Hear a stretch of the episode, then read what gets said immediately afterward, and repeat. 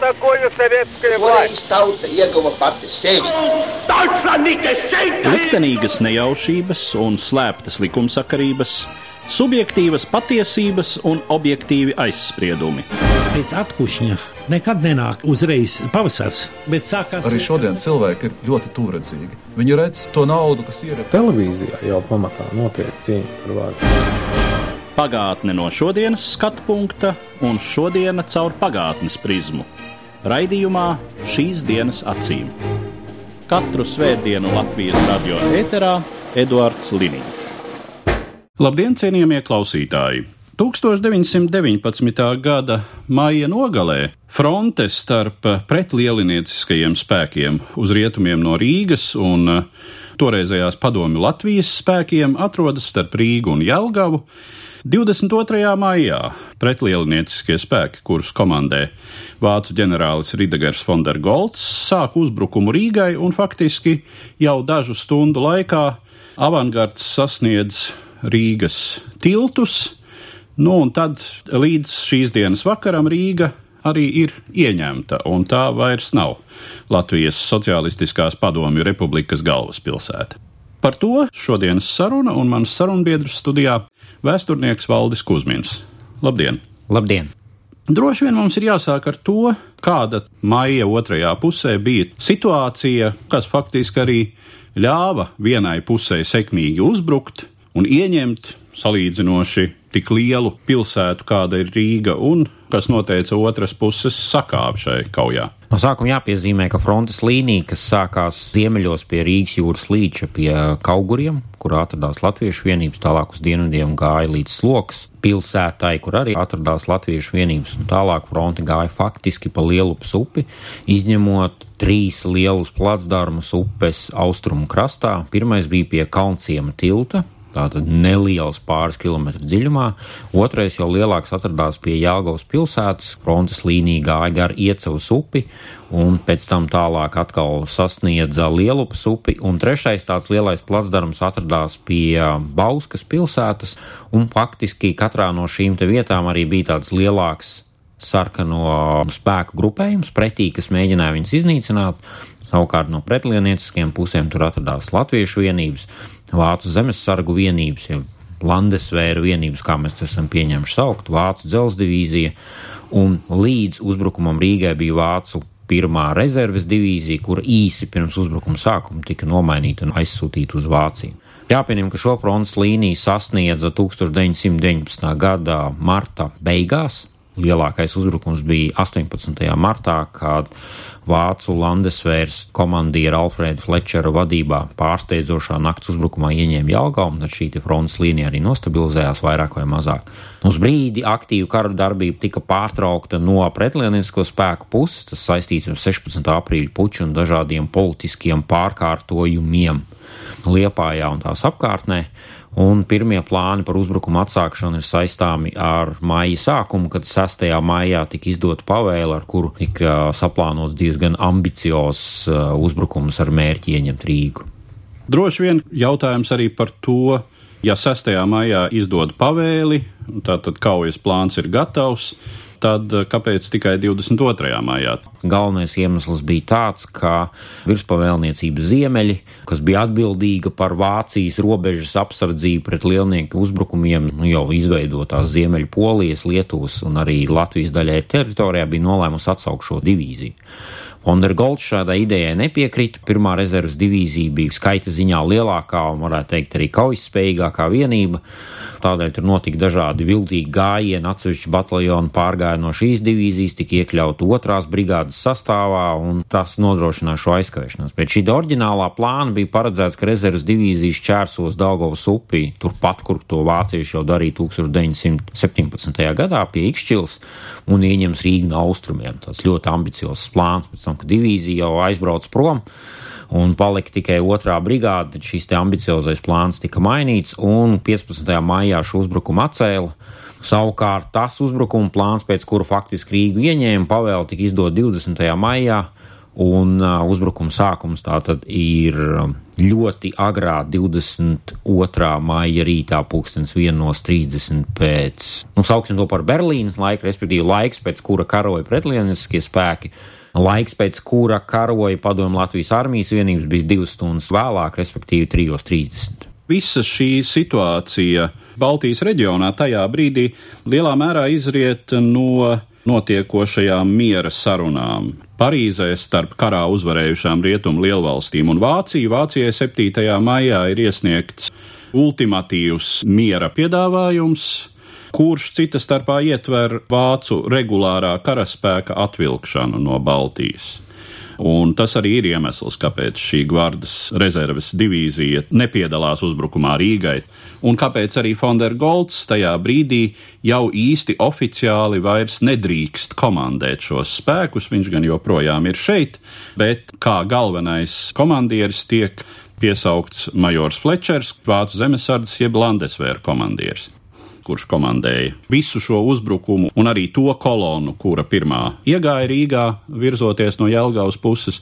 Šeit jāpiezīmē, ka kolona tas tāds vispār pieņemts apzīmējums ar kolonu apzīmē tāda vienam kaujas uzdevumam sastādīt improvizētu vienību, kas ir pašpietiekama. Respektīvi, viņi ir spējīgi veikt gan izlūkošanas funkciju, gan manevru funkciju, gan uguns atbalsta funkciju, gan pārapgādes funkciju un vadības funkciju. Tātad lielāko kaujas laiku viņi izskatījās kā kolona, bet tā pamatdoma ir tāda, ka viņi paši spējīgi veikt visas nepieciešamās funkcijas, lai nodrošinātu savu pamatu uzdevumu izpildi, kas šajā gadījumā bija definēts kā Rīgas ieņemšana. Un uh, trīs sastādītas kolonas, galvenā bija Flečera kolona, tad bija baloža kolona un tā saucamā slokas kolona. Katrai bija savs uzdevums, un visās trijās šajās kolonās bija latviešu vienības pēc oriģinālā plāna.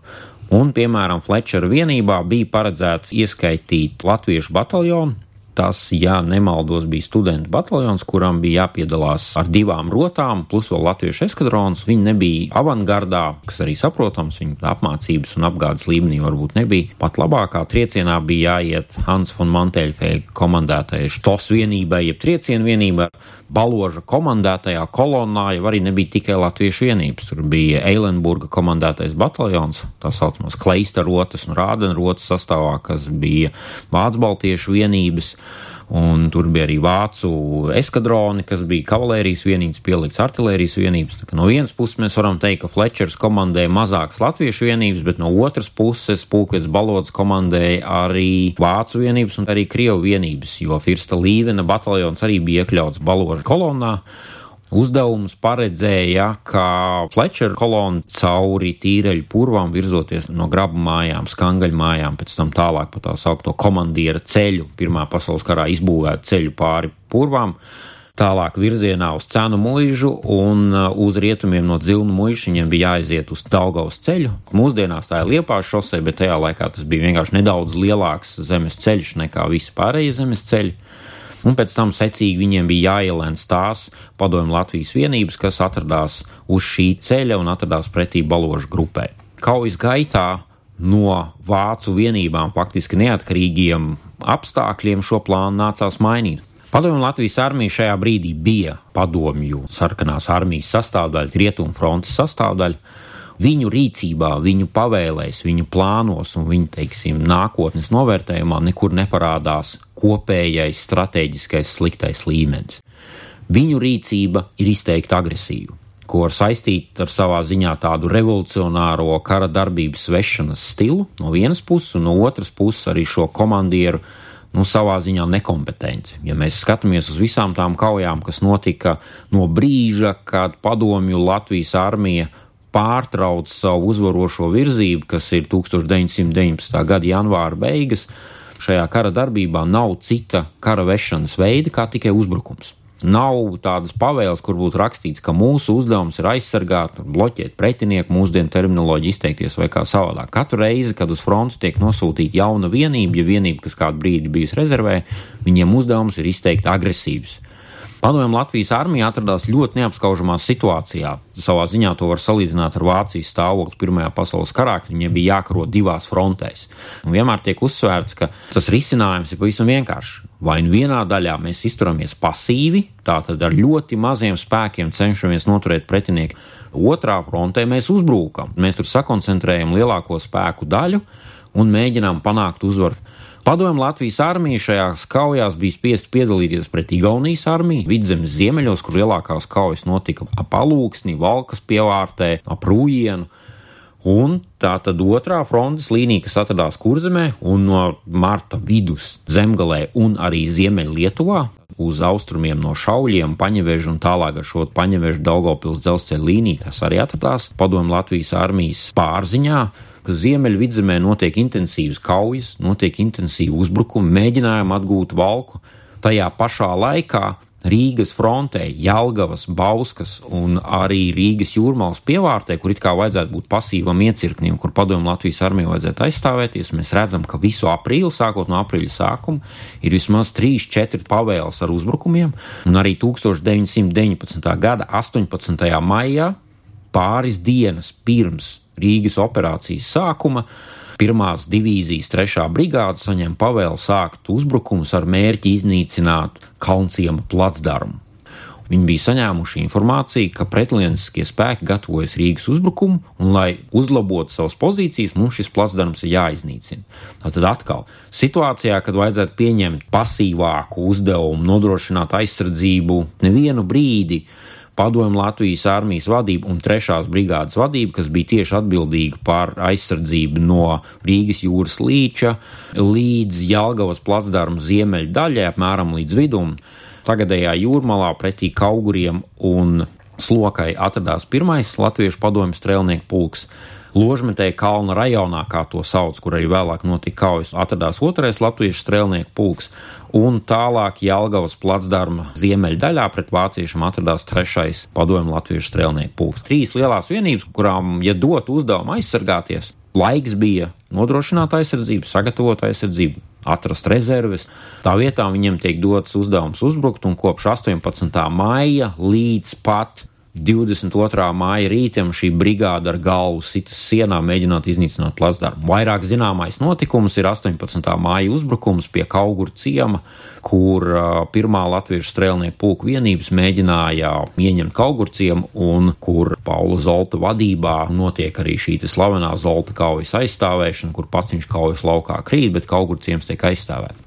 Tā tad vēlreiz konkrēti aprakstot notikumus 22. māja priekšpusdienā, kas noteica to, ka Flečera komandētā kolona sasniedz Rīgu pirmā, nonāk visai ātri faktiski Rīgas centrā, pie Daugaus tiltiem tos arī ieņem un virzās tālāk, kad baloža kolonnai pretī vēl turpina pretestība atsevišķas sarkano daļas. Galvenais iemesls, kādēļ tik ātri sasniedz, bija tā, ka pretestības faktiski nebija nekur, nevieniem, ne otriem. Tad, ja mans minētais otrais padomju latviešu strēlnieku pulku uzbrukuma plāns. Pirmais uzbrukums, ko viņi sāka 18. māja rītā, paredzēja ar diviem bataljoniem uzbrukt šim kalnciem placdarmam. Cik liels bija šis latviešu strēlnieku pulks? Tātad kopā viņam bija 1223 cilvēki šajā vienībā, kas skaitījās uzturā. Un tad bija tas pieņemtais apzīmējums durkļi, ja faktiski kājnieki, jeb strēlnieki, kas piedalās kaujā. Tas svārstījās no apmēram 580, 18. māja rītā līdz 450, 480 kājniekiem, kas bija 22. māja rītā.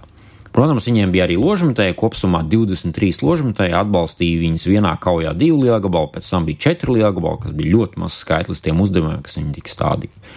Šis otrais latviešu strēlnieku pulks gāja uzbrukumā 18. maijā, 19. maijā, 20. maijā, un 21. maija vakarā tiek saņemta palēka, ka viņiem mūsu nākamajā dienā jādodas vēlreiz uzbrukumā. Šī uzbrukuma veikšanai pulks tika pārgrupēts, viņam tika palīgā nosūtīts divas rotas no pirmā latviešu padomju strēlnieku pulka, kas atradās ziemeļos, un uzbrukuma sākums viņiem bija paredzēts 22. maija pulkstens 4.30 stundu vēlāk nekā sākās Landesvēra uzbrukums.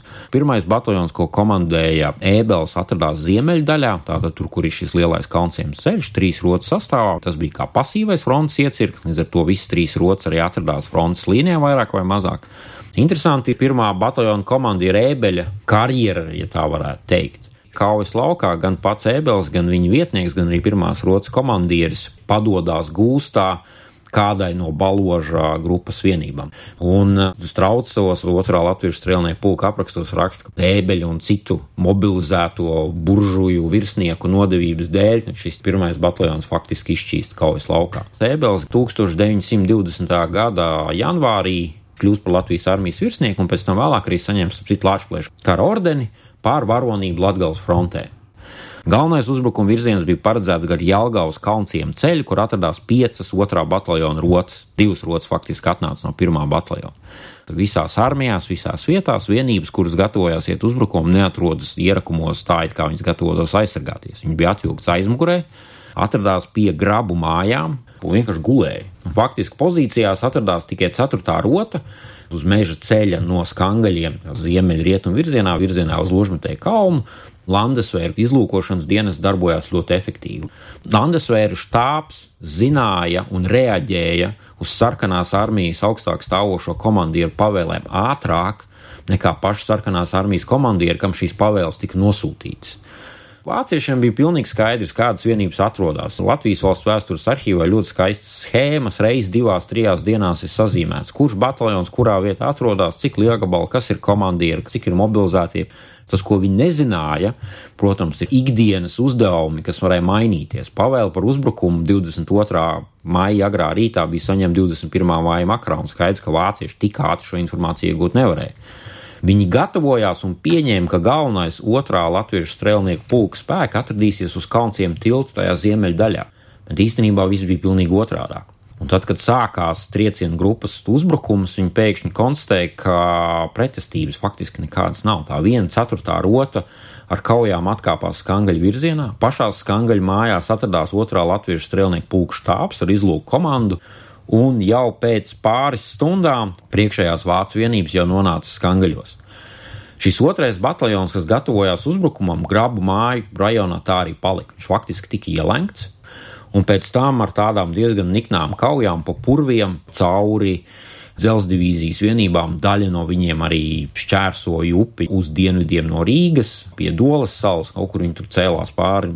Flečera izstrādātais plāns paredzēja ielenkt otrā latviešu strēlnieku pūļa galvenās vienības uz Kalnciem ceļu, tāpēc baloža kolonas uzbrukums bija paredzēts trīs stundas vēlāk, 4.30. Tiklīdz kā šī kauja sākas un pretestības nekādas nav, izrādās, ka visi šie galvenie otrā strēlnieku pulki paliek no Flečera kolonas uz dienvidiem un nav ko ielenkt. Līdz ar to, kad baloža kolona sāk savu uzbrukumu 4.30, viņi virzās uz priekšu, viņi sastopas tādu ļoti nelielu pretestību, Līdz ar to ir nepieciešams arī mainīt šo plānu.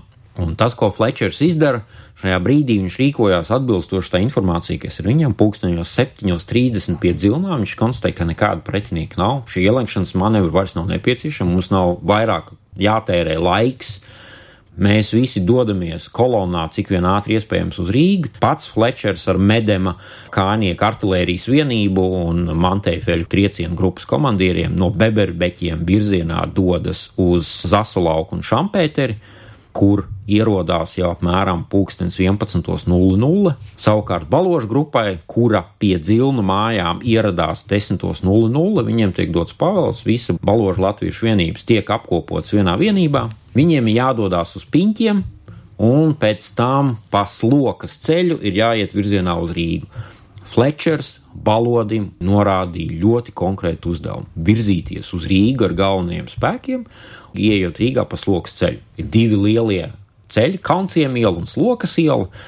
Mūsdienās šos vecos ceļus vēl Rīgā šur tur var redzēt. Vecās lokas iela imantā izskatās tā ļoti dīvaini, kādēļ pēkšņi deviņu stāvu māju rajonā ir redzami apstādīti koki. Nu, pa šo ielu tādu balodim bija arī jādodas iekšā. Pats balodis savos memoāros, kas ir tapuši krietni vēlāk, pēc otrā pasaules kara, un uh, droši vien, ka tur ir daudz iespēju atkāpties no faktiskajiem notikumiem un daudz motīvu, kāpēc tas tā varētu būt. Viņš raksta, ka viņam lūk ir pavēlēts palikt uz vietas 22. maijā, un tāpēc tikai 23. viņš ir ieradies Rīgā un tur arī sastapies ar Flečeru.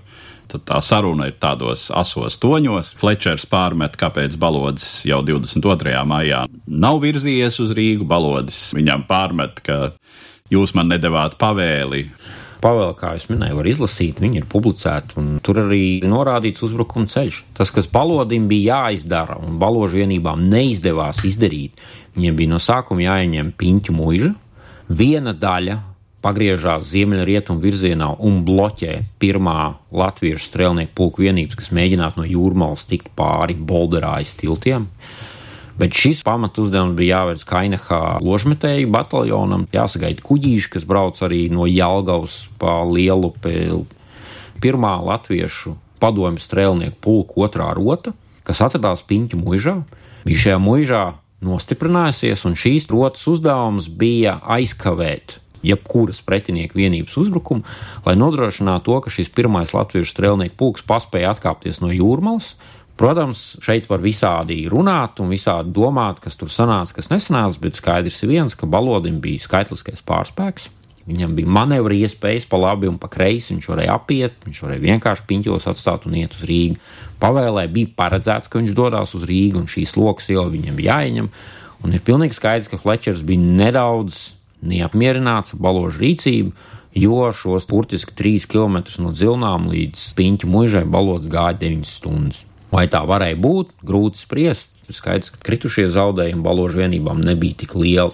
Fakts paliek tāds, ka baložu vienības ieradās tikai 23 māja agrā rītā. Baložu vienības nebija vienīgās, kurām nācās nesekmīgi mainīt rīcības plānu, jo atbilstoši šai 20. māja pavēlē Rīgas tiltu sagrābšana bija uzticēta dzelzceļa divīzijas bruņotajiem automobīļiem, kuriem vajadzēja pa Jelgavas šosei virzīties virzienā uz Rīgu un sagrābt tiltus, lai nodrošinātu, ka viņi netiek izpostīti. Bet šīs dzelzceļa divīzijas uzbrukums neattīstījās tik strauji.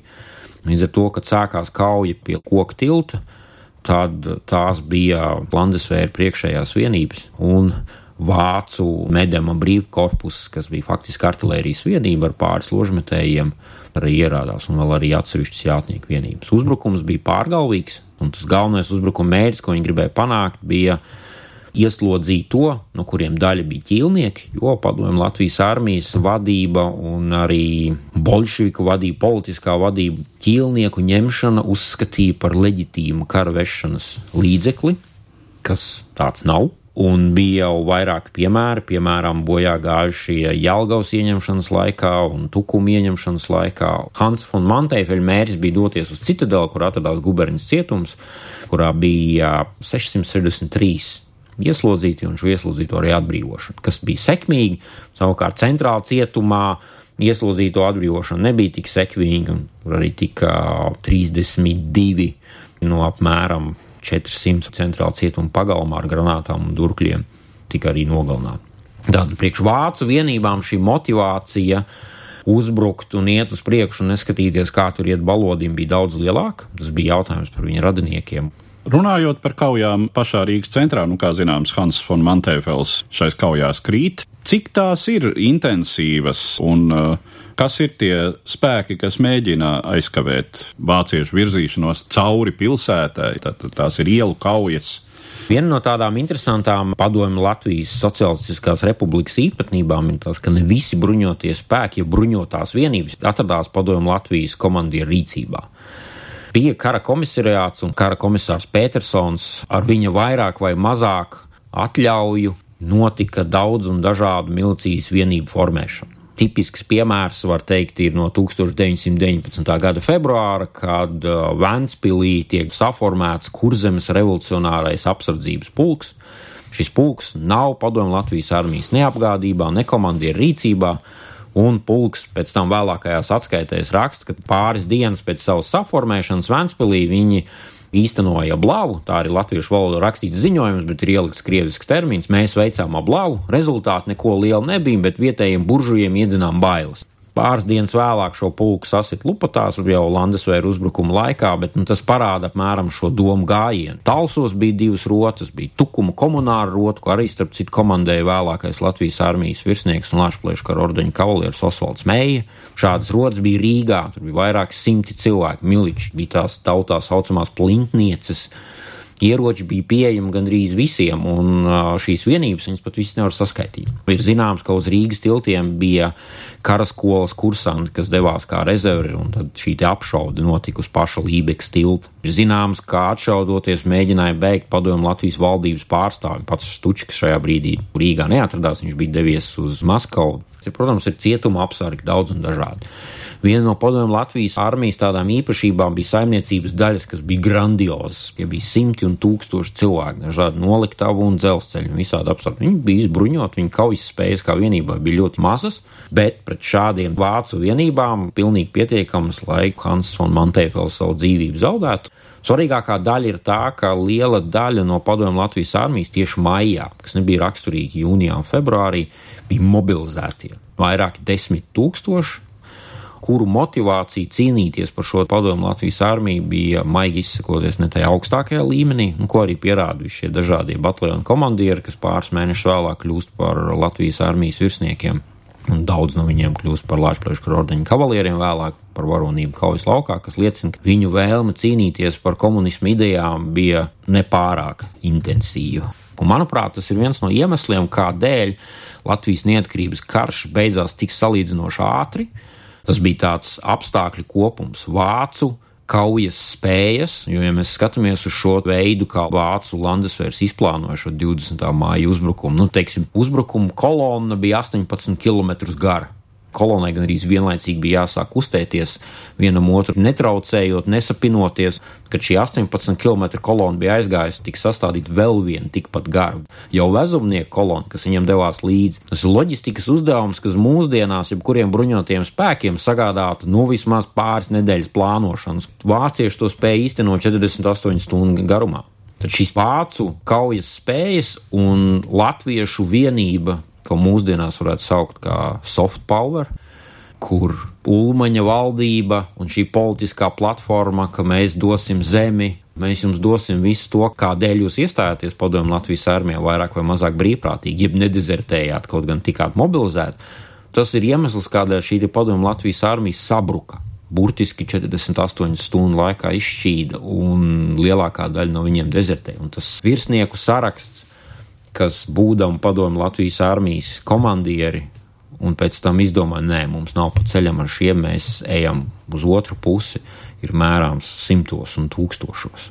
Tūdaļ pēc Rīgas ieņemšanas, atcaucoties vēlreiz uz ģenerāli Balodi, vāciešu tālākās virzīšanās, tas geogrāfiskais vektors, vairāk uz ziemeļaustrumiem, savukārt eh, virziens uz Latgali, ja spriežam no baloža atmiņām, tad teju vai viņš tā kā pats izvēlas, ka viņš lūk būs tas, kurš virzīs savu brigādi dienvidu austrumu virzienā.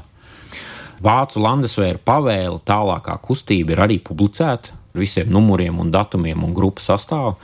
Pavēle tika izdota 29. maijā par tālāko virzību. Kaujas vēl turpinājās pie Juglas tiltiem un pēc tam tālāk pie robežiem, kur kaujās tika smagi ievainots ir slīvens savas vienības priekšgalā. Bet tālākā virzība ir arī tā bija izsludināta pavēle, tika sastādītas trīs kājnieku, viena kavalērijas kolona, un visām šīm kolonnām uzdevums bija pilnīgi vienāds - sasniegt vidzemes guberņas robežu latviešu apdzīvotajos apgabalos.